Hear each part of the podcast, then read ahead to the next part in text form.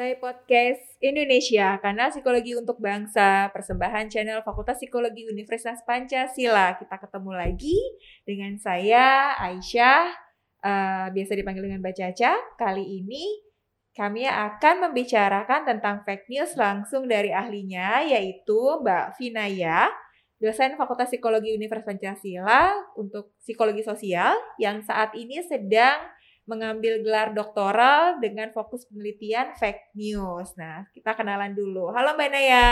Halo, Cak.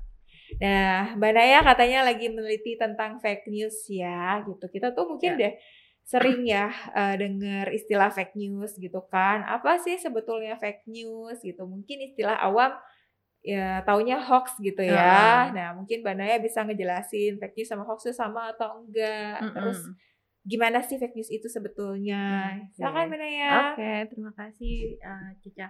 Ya, jadi uh, apa tentang fake news sendiri ya. Jadi kalau hoax itu memang lebih istilah populer mungkin ya Mbak Caca ya. Hmm. Jadi sebenarnya kalau dilihat uh, beda atau sama ya sebenarnya sama aja ya hmm. merujuk pada uh, kalau di Indonesia kan itu mungkin berita palsu ya hmm. atau berita bohong gitu ya kita nggak jelas gitu jadi kita sering bilang tuh hoax tuh gitu ya, hmm. ya tapi kalau dalam segi ilmiah itu sebenarnya nggak uh, ada uh, jarang banget gitu ya bahkan nggak bisa uh, tidak ditemukan ada ngomongin hoax gitu ya tapi istilahnya itu sering fake news hmm. terus kemudian sering juga misinformation hmm. ada yang hmm. bilang juga disinformation hmm. gitu atau incorrect information jadi uh, istilahnya mungkin lain tapi sebenarnya kalau dilihat barangnya sama aja sih hmm. gitu nah uh, fake news itu apa sih gitu ya. Jadi kalau dalam segi literatur sendiri ya sebenarnya ada dua kata kunci utama ya. Yang hmm. pertama hmm. itu memang ada niatan untuk uh, menipu orang gitu. Hmm. Jadi uh, apa namanya disebut fake news kalau memang ada niatan untuk menipu gitu ya. Dan yang kedua itu uh, beritanya itu harus didasarkan pada fakta atau hmm. bisa diverifikasi. Jadi hmm. kalau berita-berita yang tidak bisa diverifikasi itu sebenarnya kita susah nih untuk menggolongkan itu sebenarnya fake news atau tidak. Hmm. Jadi kalau dilihat ya uh, sebenarnya variasi berita tuh banyak banget Mbak Cece. Jadi kayak misalnya ada yang disebut sebagai uh, berita satir gitu ya. Hmm. Berita satir itu sebenarnya untuk lelucon aja, tapi kadang tuh orang salah paham. Jadi misalnya hmm. gini, uh, eh, MUI menerbitkan fatwa kalau makan bubur ayam harus diaduk misalnya gitu. Oke. Okay.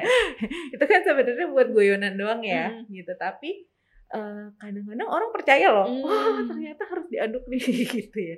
Padahal tuh sebenarnya uh, jadi kalau berita kayak gitu tuh tidak bisa digolongkan sebenarnya sebagai fake news karena hmm. sebenarnya tujuannya untuk entertain doang hmm. gitu. Terus kemudian uh, kalau misalnya Mbak, Mbak, Mbak Cece sering dengar ya kalau ada apa oh konspirasi Yahudi tuh mm -hmm. gitu ya. Nah itu juga berita yang nggak bisa di uh, dianggap sebagai fake news karena kalau teori konspirasi itu kalau selama uh, seseorang percaya mau diapain juga pasti dia merasa itu sebagai fakta padahal itu nggak fakta gitu. Ya, Jadi termasuk bumi itu datar gitu ah, ya. Kelompok bumi datar gitu misalnya. Nah, itu juga walaupun udah ada bukti gitu ya kalau orang itu percaya ya susah untuk untuk dirubah hmm. gitu. Jadi hmm. kalau yang masalah konspirasi-konspirasi itu sebenarnya agak sulit dibuktikan karena hmm. memang beritanya biasanya uh, sulit untuk diverifikasi gitu. Hmm. Terus ada juga Mbak Caca kayak rumor-rumor tapi hmm. yang enggak di tulis ya hmm. jadi misalnya eh ternyata dia tuh bini kedua dari si ini loh misalnya hmm. kayak gitu-gitu itu kan berita yang memang seharian kita uh, bicarakan ya gitu hmm. nah itu agak susah untuk dibilang sebagai fake news karena memang uh, apa ya bukan dari sumber tertulis jadi kalau untuk saya sendiri dari untuk keperluan disertasi gitu ya memang saya uh, mencari itu sumbernya itu berita-berita yang ada di uh, media sosial atau yang beredar di masyarakat. Jadi memang ada bukti secara tertulis. Oh gitu. gitu. Kalau kita kan biasanya tahu tuh gosip adalah fakta yang tertunda. Jadi gosip itu bukan itu, ya. Itu, itu kalau untuk definisi saya tidak bisa dibilang ya gitu. Jadi ya itu apalagi itu sih itu naksir sih ini gini segala macam. Nah itu nggak bisa tuh untuk untuk diklarifikasi ya. Jadi susah di, diverifikasinya jadi tidak bisa disebut sebagai fake news gitu. Oke. Okay.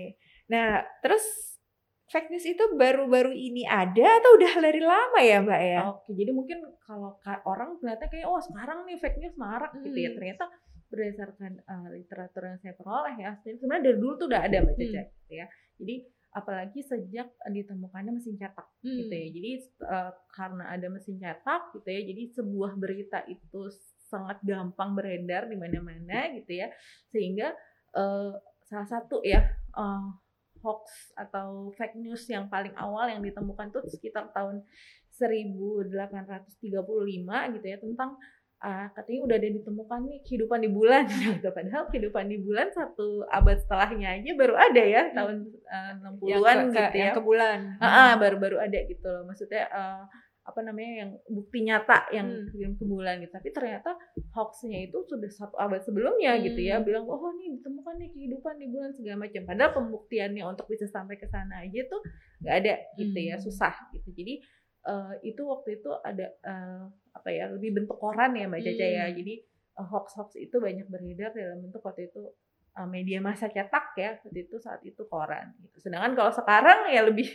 lebih kelihatannya kok lebih ini banget ya maksudnya kok kayaknya uh, sangat marak gitu ya karena adanya medsos hmm. gitu ya jadi uh, apa ya dengan perkembangan teknologi adanya medsos itu membuat semakin kok kelihatannya semakin marak gitu. Padahal sebenarnya dari dulu juga udah ada. Gitu. Kalau dulu mungkin kita taunya fitnah kali ya.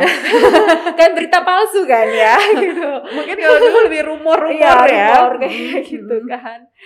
Iya. Nah, nah terus eh, kira-kira kalau kayak apa sih kita ngelihatnya fitnah kan negatif banget ya dampaknya hmm. bisa menjatuhkan orang uh, gitu ya lebih kejam daripada pembunuhan uh, uh. gitu ya.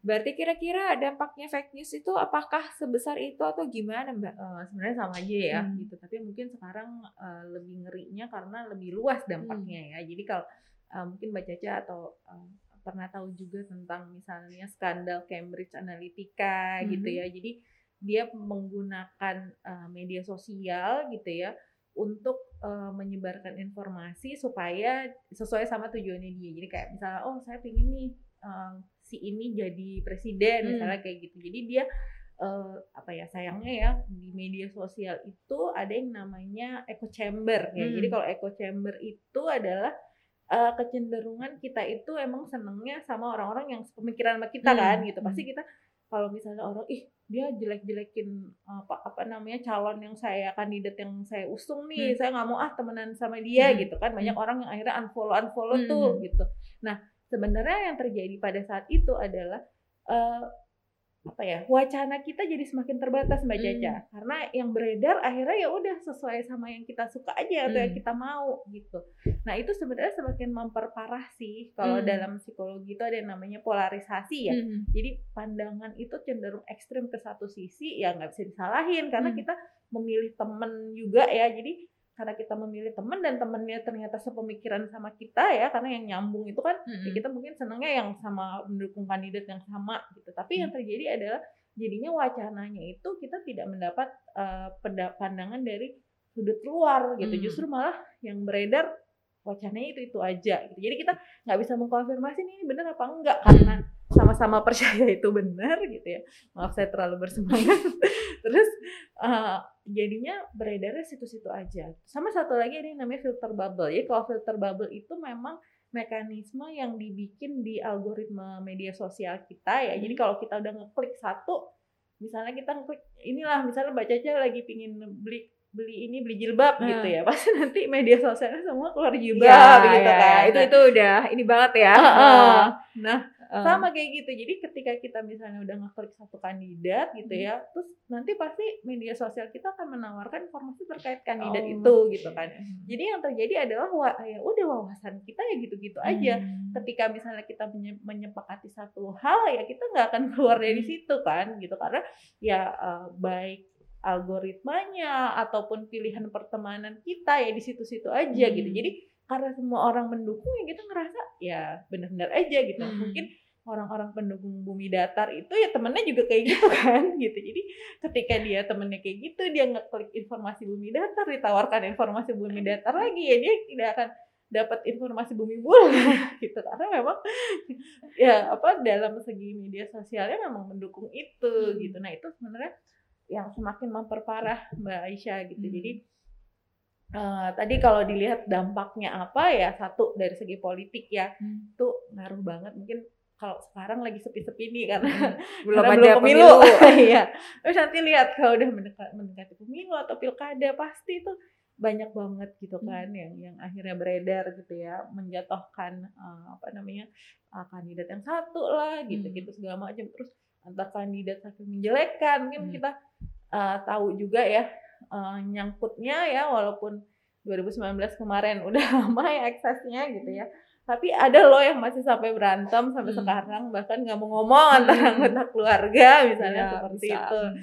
nah itu ternyata memang dari hasil penelitian juga kayak gitu ya walaupun itu ranahnya besar negara gitu ya ternyata aksesnya secara interpersonal tuh ngaruh hmm. gitu ya terus kemudian uh, itu tadi mempengaruhi keputusan dalam uh, kandidat yang mau kita pilih siapa nih gitu ya. hmm. ya walaupun ini sih baca aja uh, penelitian ya jadi kan sebenarnya uh, mungkin saya refer ke disertasi saya ya. Uh, kapan sih penelitian tentang fake news ini marak ya?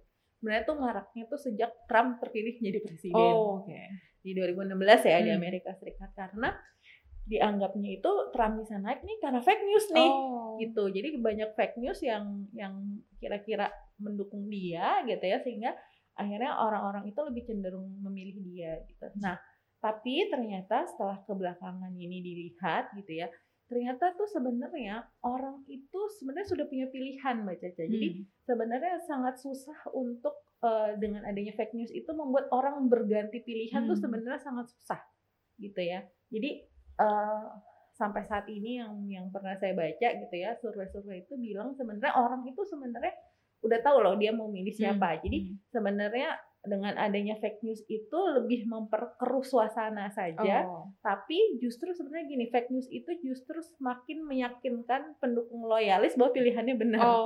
karena yang dia mau lihat tuh sebenarnya fake news jelek dari lawan, lawan. politik oh. gitu. Jadi dia cenderung uh, apa ya mengabaikan tentang kandidatnya walaupun jelek-jelek tentang kandidat yang dia hmm. pilih karena dia sudah punya pilihan sebenarnya nggak terlalu ngaruh gitu. Hmm. Tapi justru itu membuat dia semakin yakin tuh kan hmm. jelek kan tentang dia kan gitu. Nah ini pilihan gue nih yang benar gitu. Jadi itu ada selektif uh, apa ya uh, milihnya tuh sesuai sama kebutuhan hmm. gitu lah manusia gitu ya. Terus kemudian dari segi ekonomi juga uh, pernah ada kejadian tuh di 2013 gitu ya itu ada di Twitter tiba-tiba bilang bahwa oh, oh Obama itu kena ledakan gitu tuh tiba-tiba pasar saham Amerika langsung turun dan wow. sekian miliar gitu jadi uh, mungkin kelihatannya cuma kecil ya yeah. ternyata eksesnya terutama kalau menyangkut uh, orang-orang tenar atau politisi itu ternyata aksesnya sangat besar gitu Terus hmm. uh, mungkin yang paling sekarang yang hmm. currently ini itu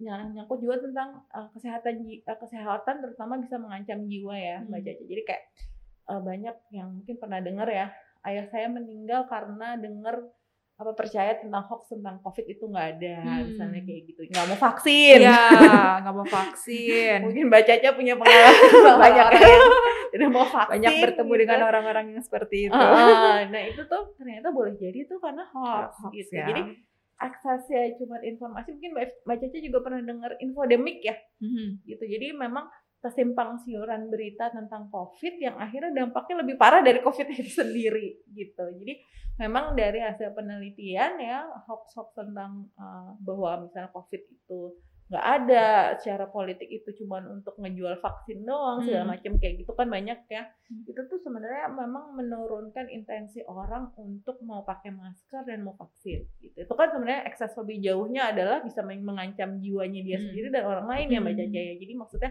uh, ya hal kecil mungkin ya yeah. awalnya gitu ya tapi ternyata eksesnya itu jauh sekali yeah. Gitu. mungkin di awal-awal pandemi kita ada apa sih berita-berita di mana keluarga-keluarga pasien COVID yang meninggal nggak mau dimakamkan secara apa seharusnya nggak mau, de mau deket gitu ya maksudnya nggak mau di pemakaman yang biasa gitu ya iya dikeluarkan jenazahnya terus oh, dipeluk-peluk okay. padahal oh, itu jenazah iya. covid itu kan mm -hmm. akibatnya ya dan akhirnya yeah. banyak sekali yang juga ikutan kena gara-gara yeah itu kayak gitu mm -hmm. itu sampai mengancam nyawa juga iya. gitu kan mm -hmm. dan dan menarik juga nih mbak uh, secara ekonomi fake news bah apakah bisa juga uh, ekonomi tadi kan merugikan ya karena kan pasar saham sangat tergantung pada berita yang beredar di yeah. suatu negara mm -hmm. itu kan mm -hmm. angka bisa naik bisa turun gara-gara mm -hmm. berita baik atau berita buruk yang ada mm -hmm. di negara itu tadi Obama kena ledakan kan berita buruk gitu yeah. kan bahaya nih presiden tuh 2013 mm -hmm. gitu kalau sampai kena ledakan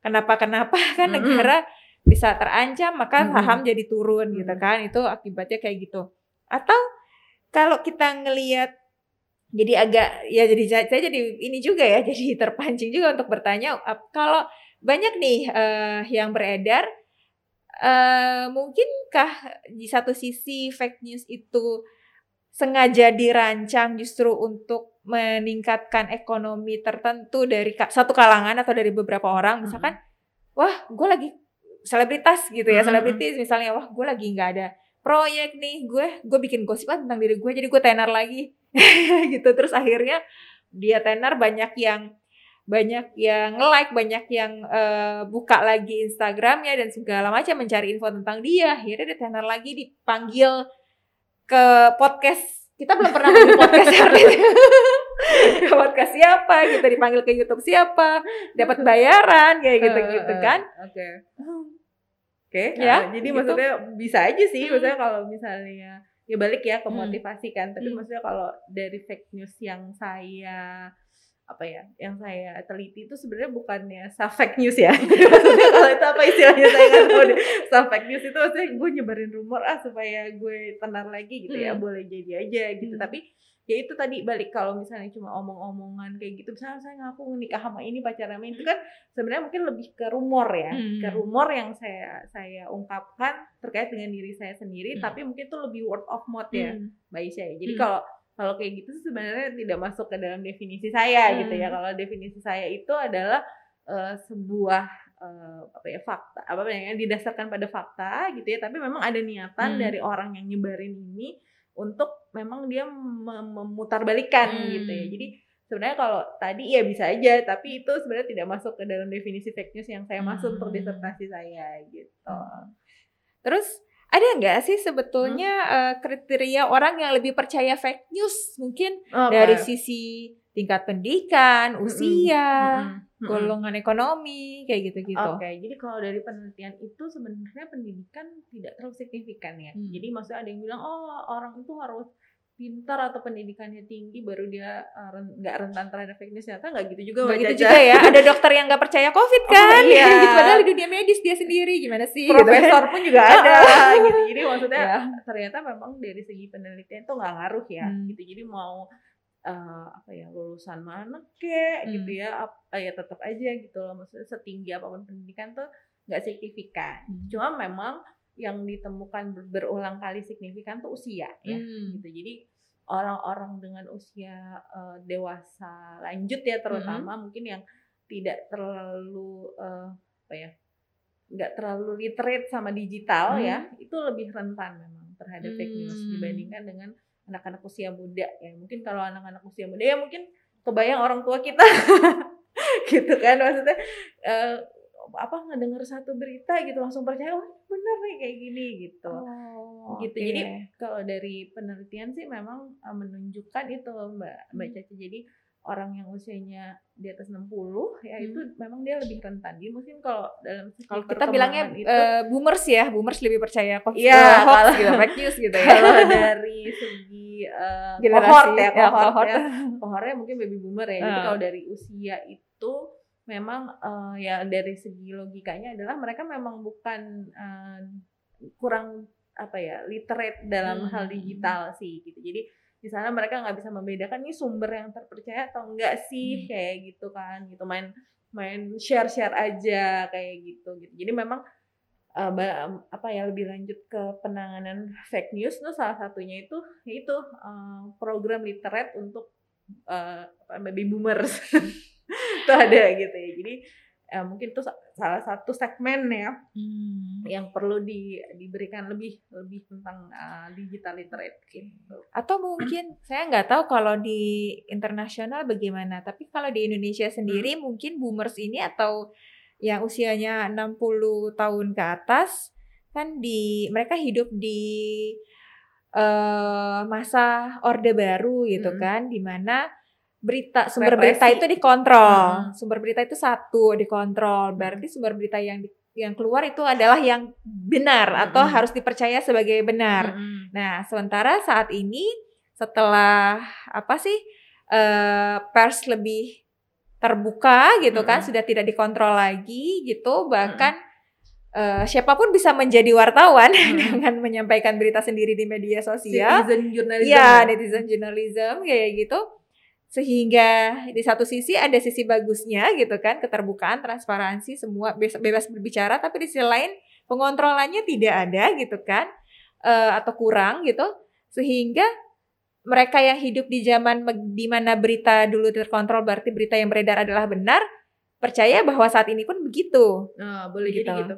Jadi hmm. sebenarnya ada yang bilang ini ya era post truth ya hmm. sekarang itu gitu. Hmm. Jadi kita sendiri juga sebenarnya uh, kadang-kadang ngelihat berita ini bener gak sih hmm. gitu ya. Hmm. Jadi maksudnya karena memang setiap orang bisa menyampaikan informasi dengan mudah ya. Jadi kalau dari hasil penelitian tuh memang uh, media sosial itu adalah alat penyebaran efektif yang paling mudah ya. Hmm. Karena kan apa pun yang kita pikirin bisa langsung kita taruh ya, hmm. ya, kita tulis gitu terus kemudian orang lain baca gitu dan boleh jadi siapa pun yang membaca itu merasa itu berita yang benar hmm. gitu. Padahal kan ya kita belum tahu kan gitu. Hmm. Nah, memang uh, aksesnya itu panjang uh, Mbak Caca. Mungkin pernah pernah baca ya tentang fenomena post truth ya gitu. Hmm. Jadi uh, ada salah satu faktor yang membuat sebuah berita itu lebih dipercaya adalah berita yang diulang-ulang. Hmm. Jadi sesuatu yang repetitif hmm. itu ternyata orang lebih percaya eh gue pernah baca kok jangan-jangan ini benar mungkin ya, hmm. ya secara logika ya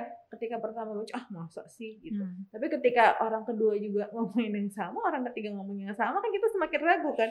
Nah jadi ini benar apa enggak sih? Gitu. Jadi salah satu faktor yang menyebabkan sebuah berita itu lebih uh, dipercaya ya itu adalah salah satunya adalah berita yang repetitif gitu. Jadi uh, apa ya kayak sebenarnya ini juga yang digunakan untuk pemilu ya fake hmm. news berkembang. Itu ketika dari banyak sumber ngomongin yang sama kan orang berasumsi oh ternyata benar gitu. Padahal itu sebenarnya eh, nggak uh, benar gitu. Jadi memang uh, itulah uh, salah satu apa ya kenyataan yang kita hadapi ya era post truth gitu ya. Jadi ya kebenaran itu jadinya serba relatif hmm. gitu apalagi sesuatu yang diulang-ulang. Jadi ada satu penelitian ya yang yang pernah saya baca mungkin karena saya masih S3 bacaan jadi ya jurnal gitu ya jadi uh, apa namanya jadi dia menemukan ya jadi ketika beritanya itu direpetitif ya orang itu semakin merasa less guilty hmm. ketika dia share oh, gitu okay. jadi even itu share dan dia tahu dia nggak benar tapi ketika itu repetitif dia ngerasa bahwa orang-orang juga udah banyak hmm. yang nyebarin dong itu dia less guilty hmm. dibandingin jadi lebih merasa gue bermoral gitu hmm. dibandingkan ketika beritanya itu nggak repetitif gitu. Jika kalau repet nggak repetitif soalnya dia doang nih yang nyebarin gitu. Karena ya. kebenaran dominan ya gitu. Yeah. Ya. Jadi kayak ngerasa ya orang-orang pada nyebarin yang sama yeah. berarti gue nggak salah dong. Uh, uh, gitu. Jadi ternyata itu uh, secara moral dia juga lebih less guilty hmm. gitu. Itu apa ya? Uh, ya menarik sih hmm. gitu dilihat gitu. Tapi sedih juga gitu ternyata seperti itu gitu. Oke. Okay. Terus uh, terakhir nih, gimana sih cara mengatasi fake news dengan sudah kayaknya hampir susah ya uh -uh. untuk kita menghindari gitu. Kita buka media sosial udah bisa jadi uh, kita baca langsung ketemu, uh, uh, langsung ketemu kayak gitu. Itu gimana tuh, Mbak? Iya, emang uh, ini nggak mudah ya. Hmm. Dan uh, sebenarnya ini bukan urusan bidang psikologi dong ya. Hmm. Jadi sebenarnya bahasan fake news itu dari terutama dari ilmu komputer ya, karena menyangkut kebanyakan di medsos ya. Terus kemudian uh, dari segi uh, ilmu komunikasi, ilmu psikologi juga gitu ya. Nah, kalau dari uh, ilmu uh, komputer sendiri ya yang paling ideal banget ya mereka itu mungkin um, Mbak Caca juga tahu ya kalau sekarang itu kalau sudah beredar fake newsnya itu kita bisa ngecek di cek fakta hmm. ya jadi ada ada satu web yang bisa kita kunjungi kita bisa ngelihat bisa masukin in apa namanya isu yang mau kita lihat itu benar atau enggak di situ ya. hmm. ya tapi memang kelemahannya cek fakta itu banyak yang dilakukan juga oleh manusia jadi hmm biasanya ada jeda tuh antara berita beredar sampai akhirnya dicek oh ini benar atau enggak itu hmm. biasanya ada jeda gitu karena yang melakukannya juga manusia gitu hmm. jadi kalau uh, jangka waktunya sudah agak lama itu biasanya mungkin bisa ditemukan di cek fakta hmm. tapi ternyata enggak semua berita bisa gitu kan dicek fakta nah sehingga beberapa ahli komputer mereka tuh uh, punya mimpi yang cukup ideal ya yaitu dia pingin gimana caranya supaya si berita ini sebelum beredar kalau dia fake news itu langsung ngeband sendiri. Wow. ya, jadi uh, salah satu literatur yang saya cari gitu ya, itu uh, dia benar-benar sangat mendefinisikan. Jadi si penulisnya ini dia tuh bercita-cita itu tadi Mbak Caca hmm. bikin alat atau algoritma di mana sebelum beredar tuh udah ngedrop sendiri nih gitu. Nah, sehingga awal pertama yang dilakukan dia harus mendefinisikan dulu kan fake hmm. news itu apa sehingga hmm. nggak semua berita akhirnya nanti ke ban gitu kan.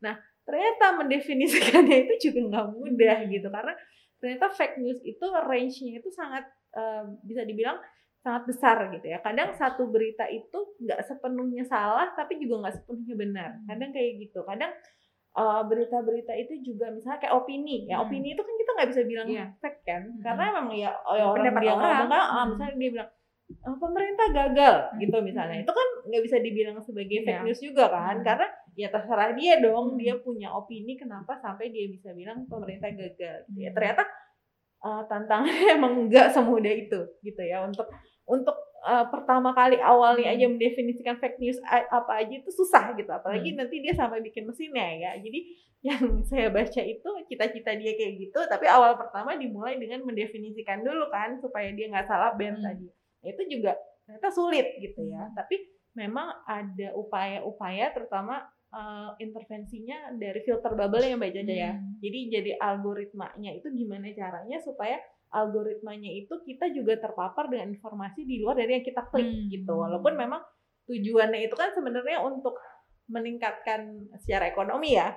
Itu supaya kalau kita mau beli ini hmm. misalnya gitu secara mudah kita sebagai konsumen bisa nyari barang yang sama gitu. Tapi karena akses-aksesnya ternyata itu tidak sama yang positif ya sehingga perubahan algoritma sebenarnya gitu. Kalau hmm. kita lihat juga sekarang uh, media sosial itu uh, sangat ini ya uh, policy-nya juga hmm. sangat berkembang gitu ya. Gimana caranya supaya yang 2016 kemarin tuh nggak terulang lagi hmm. gitu kan. Kalau kalau misalnya kita tahu kayak Mbak Caca mungkin dulu yang sebelum uh, tragedi Cambridge Analytica itu kan kita bisa ngisi kuis-kuis gitu. Yeah. Nah, sekarang kan udah nggak bisa. Hmm. Gitu karena memang ternyata kalau kita tahu ya kita tuh bisa sangat dimanfaatkan hmm. karena itu datanya itu kaya hmm. banget gitu loh data-data secara kita secara sosial gitu ya secara kepribadian segala macam itu bisa banget digunakan hmm. gitu kalau orang tahu gimana caranya gitu. Hmm. Nah, kalau dari segi uh, psikologi sendiri ya itu ada sebenarnya tapi itu lebih ke prevent ya Mbak Caca. Hmm. Ada yang namanya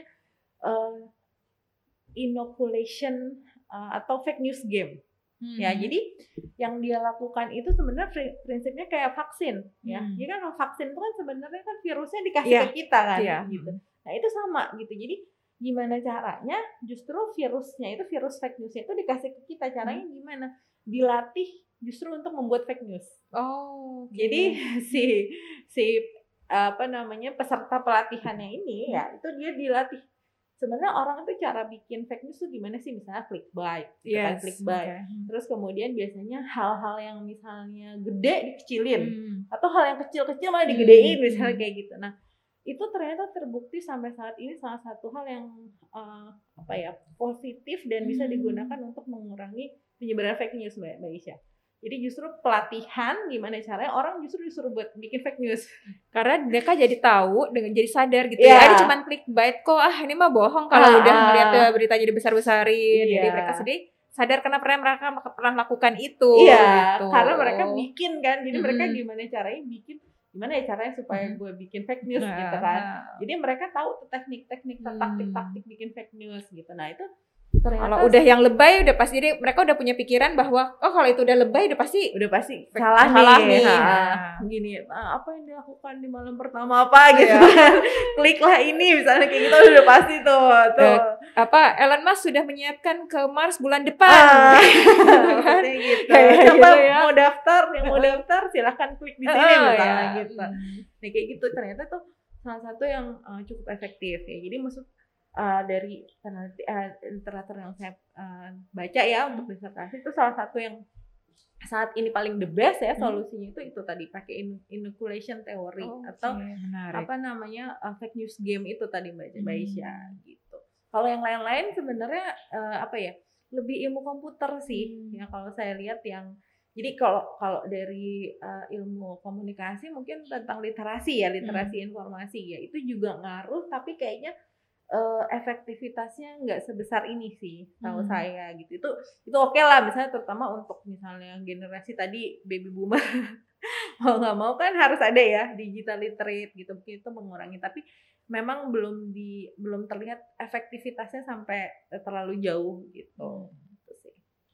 Oke, ya ini karena ini sangat menarik ya. Saya Mm-mm. ngajar juga nih fake news di reasoning ya. Sebetulnya itu kan tergantung Oke. penalaran kan. kognitif ya Ya di kognitif, di psikologi kognitif gitu dan waktu tugas eh, uasnya mereka itu mereka diminta untuk eh, menampilkan fake news yang ada di grup WhatsApp yang mereka Oke. miliki itu semuanya punya mbak. Jadi kan berarti Ah, boleh tau nggak seputar apa tuh ya itunya, kalau yang tahun ini saya bebaskan. Oh, oke ya macam-macam dari politik ada kesehatan ada tapi kalau tahun lalu tentang covid karena Oke. kan masih banyak orang yang nggak percaya tentang covid Mm-mm. kan pada ta- dan vaksin karena Mm-mm. waktu tahun lalu baru mau mulai-mulai vaksin kan Oke. pada nggak mau vaksin dan segala macamnya tapi kalau tahun ini bebas temanya kayak gitu Mm-mm. dan ya memang eh, kalau saya minta mereka untuk menganalisis logical fallacies yang di eh, Ditawarkan ya. ditawarkan kayak gitu karena ya itu apa namanya memang semua di semua grup kayaknya kita pernah dapet pasti. Semua individu di saat ini pasti pernah dapet. Saking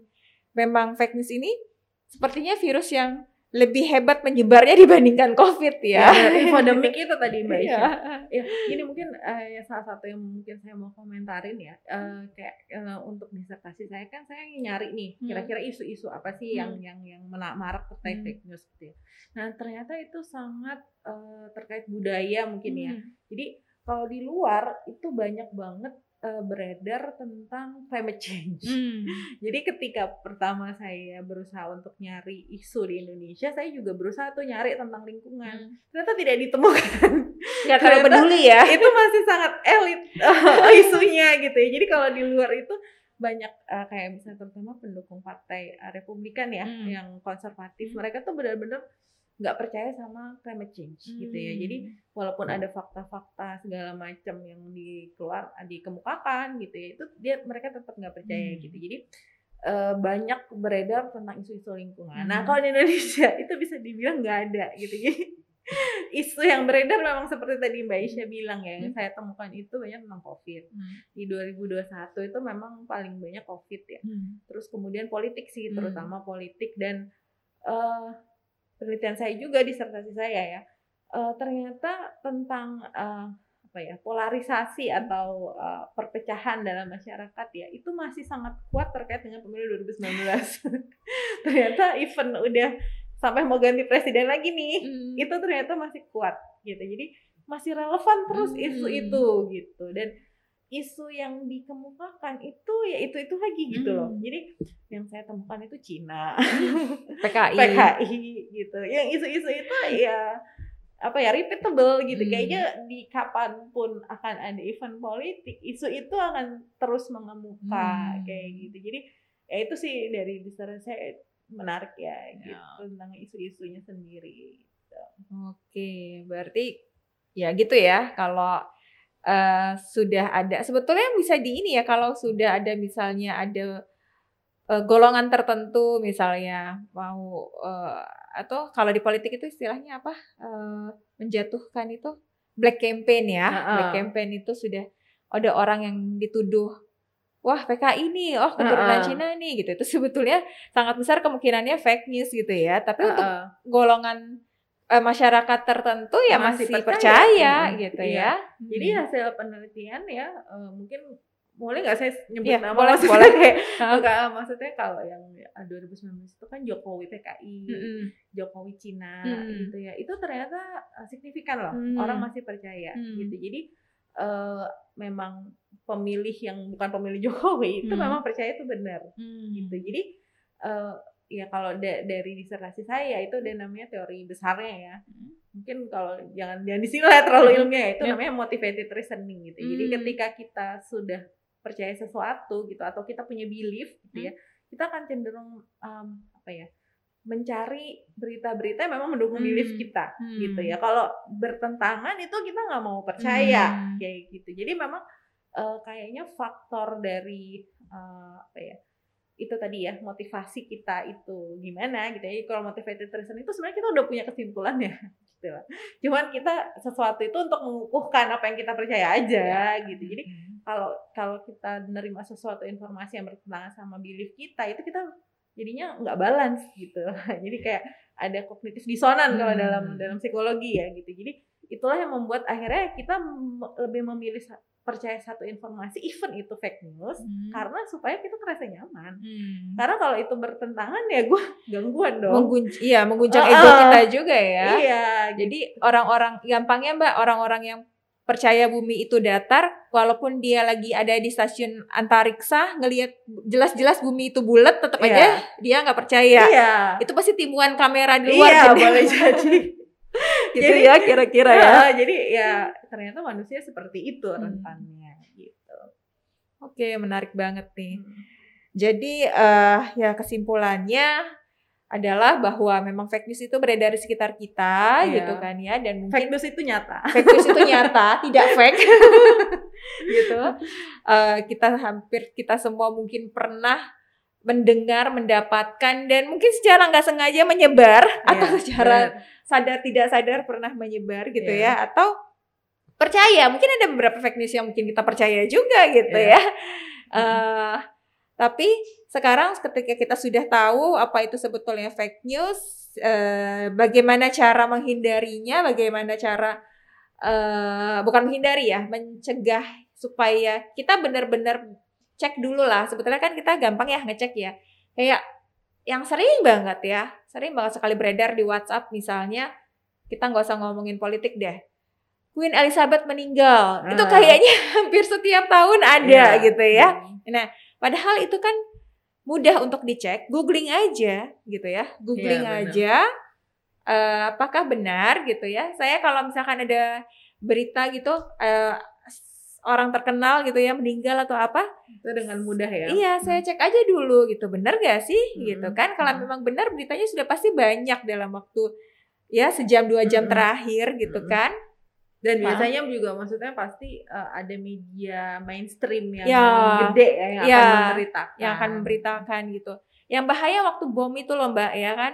Bom yang Sarina. Mm-mm. Itu kan bomnya cuma di satu tempat tapi Mm-mm. kan beritanya udah ada bom lagi di mana di mana Ya. dan itu jadi itu kan jadi teror sebetulnya Iya. ya. Mm-mm. Nah, itu juga sebetulnya berbahaya itu kalau kita eh, dengan mudahnya percaya fake news. Jadi coba dicek lagi kayak gitu kan.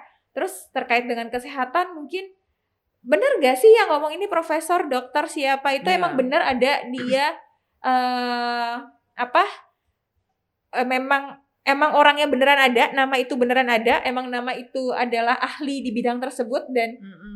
dari universitas itu gitu. Hmm. Kadang-kadang Mm-mm. ada loh Profesor Dr. Inul Daratista gitu kan di Iya. jurnal di artikel di jurnal tentang padi gitu di Predator Afrika ya. oh, predator di jurnal predator kalau kita nggak ngecek gitu orang Afrika sana mungkin per- eh, karena itu jurnalnya beredar di sana mungkin oh percaya percaya aja nih ada ini gitu tapi kan sekarang kita bisa cek gitu ya gampang Mm-mm. jadi manfaatkan teknologi media sosial itu untuk eh kita ngecek bukan kita terbawa, bukan kita jadi berdampak negatif kita Mm-mm. gitu kan ya. Gampang kok sekarang ngeceknya gitu. Mm-mm.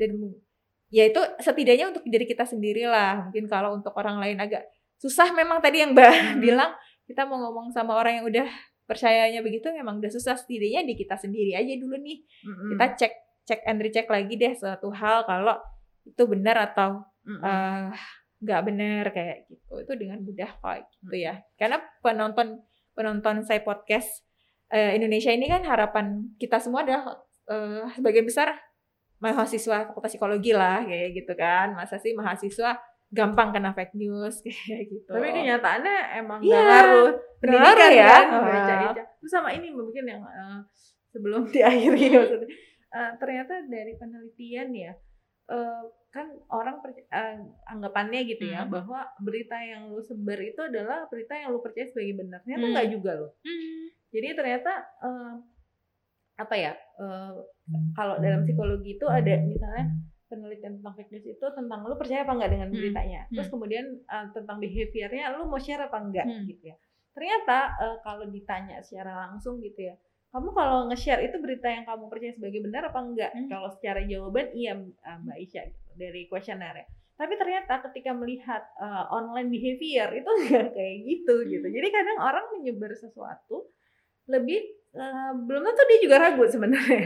Dia percaya apa enggak dengan berita itu, tapi ketika itu bisa memberikan satu keuntungan ke dia, entah misalnya in grupnya jadi keren, Hmm. eh gue tau duluan nih Ah, gitu ya. atau atau misalnya eh, apa ya menguntungkan in grup lah Hmm. kebanyakan gitu ya itu dia akhirnya nyebar juga gitu Hmm. jadi kalau dalam psikologi dari disertasi saya sendiri itu agak berbeda tuh antara Hmm. eh, apa ya percaya dengan fake newsnya atau enggak sama eh, perilaku beneran share-nya gitu jadi Hmm. kadang-kadang itu nggak match gitu jadi Hmm. banyak faktor-faktor sosial yang meskipun dia nggak percaya tapi akhirnya dia nyebar juga Hmm. gitu karena ada itu tadi misalnya keuntungan-keuntungan ya misalnya eh, kalau contoh yang di luar yang paling ngetren itu misalnya kayak eh, waktu zaman Trump ya misalnya em, Paus itu mendukung Trump misalnya kayak gitu Oh. tuh ya itu kan eh, apa namanya mungkin dia juga sebagai orang pendukung Trump belum tentu percaya kalau Hmm. Paus misalnya mendukung tapi karena itu menguntungkan in grupnya ya kenapa Hmm. gua nggak share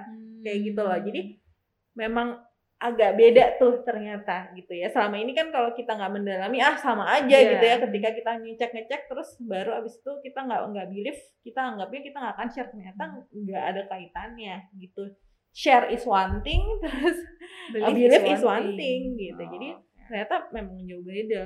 Hmm, wah menarik tuh. Wah, kita bisa ngobrol lebih banyak lagi kalau nanti Mbak Naya sudah selesai disertasinya Iya. gitu ya, hasil penelitiannya apa gitu kan. Itu akan jadi suatu topik yang menarik tuh Mbak gitu ya. Oke, eh mungkin kata terakhir Mbak terkait dengan fake news. Nah, Satu ya? kalimat. eh apa ya kata terakhir ya jadi ya itu sih sebenarnya menurut saya nih kalau saya sendiri sebagai peneliti ya itu sesuatu hal yang never ending ya menurut Hmm. saya gitu maksudnya banyak banget yang masih masih bisa digali gitu kalau untuk kita secara eh, apa ya secara mungkin tips gitu Hmm. ya eh, kayaknya kita harus benar-benar membekali diri sih gitu ya jadi kalau dilihat salah satu yang penting itu adalah tentang misalnya dengan menggunakan fake news game gitu ya Hmm. mungkin kita uh, pengabdiannya bisa tuh bisa misalnya kita bikin pelatihan tentang inoculation Hmm. teori gitu ya jadi kita melatih orang justru untuk bikin fake news gitu ya jadi dengan dia latihan bikin fake news itu dia jadi lebih aware kan Hmm. gitu oh kalau beritanya kayak gini-gini tuh kemungkinan fake news nih Hmm. kayak gitu mungkin tuh bisa dicoba gitu ya Wow, iya, Ya, ya. Saya kepikiran buat soal UAS atau nanti kita gitu ya, Mbak. Kenapa? kita apa eh, kerjasama tuh buat uasnya mahasiswa tahun depan mereka bikin fake news aja iya mungkin mungkin itu dengan itu, dengan cara uh, seperti itu kan iya bisa tuh jadi gitu. mereka jadi tervaksin Ah, bener gitu jadi tervaksin dari fake news Ah, gitu virusnya udah ter Iya. udah masuk gitu ya Ah. sedikit gitu. Hmm. Jangan kebanyakan ya, Cak. Iya. gitu. Iya, mungkin gitu sih Mbak Isya. Oke, Hmm. terima kasih Mbak Naya. Senang banget bisa ngobrol eh, sesuatu yang eh, apa ya, yang lagi ngetren lah ya Hmm. saat ini, apalagi sedang dalam melakukan penelitian dari ahlinya langsung. Kita mungkin bisa ketemu lagi di eh, saya podcast Indonesia selanjutnya. Semoga ya, pastinya ini sangat bermanfaat dan kita ketemu lagi di saya podcast berikutnya. Oke, thank you Mbak Caca.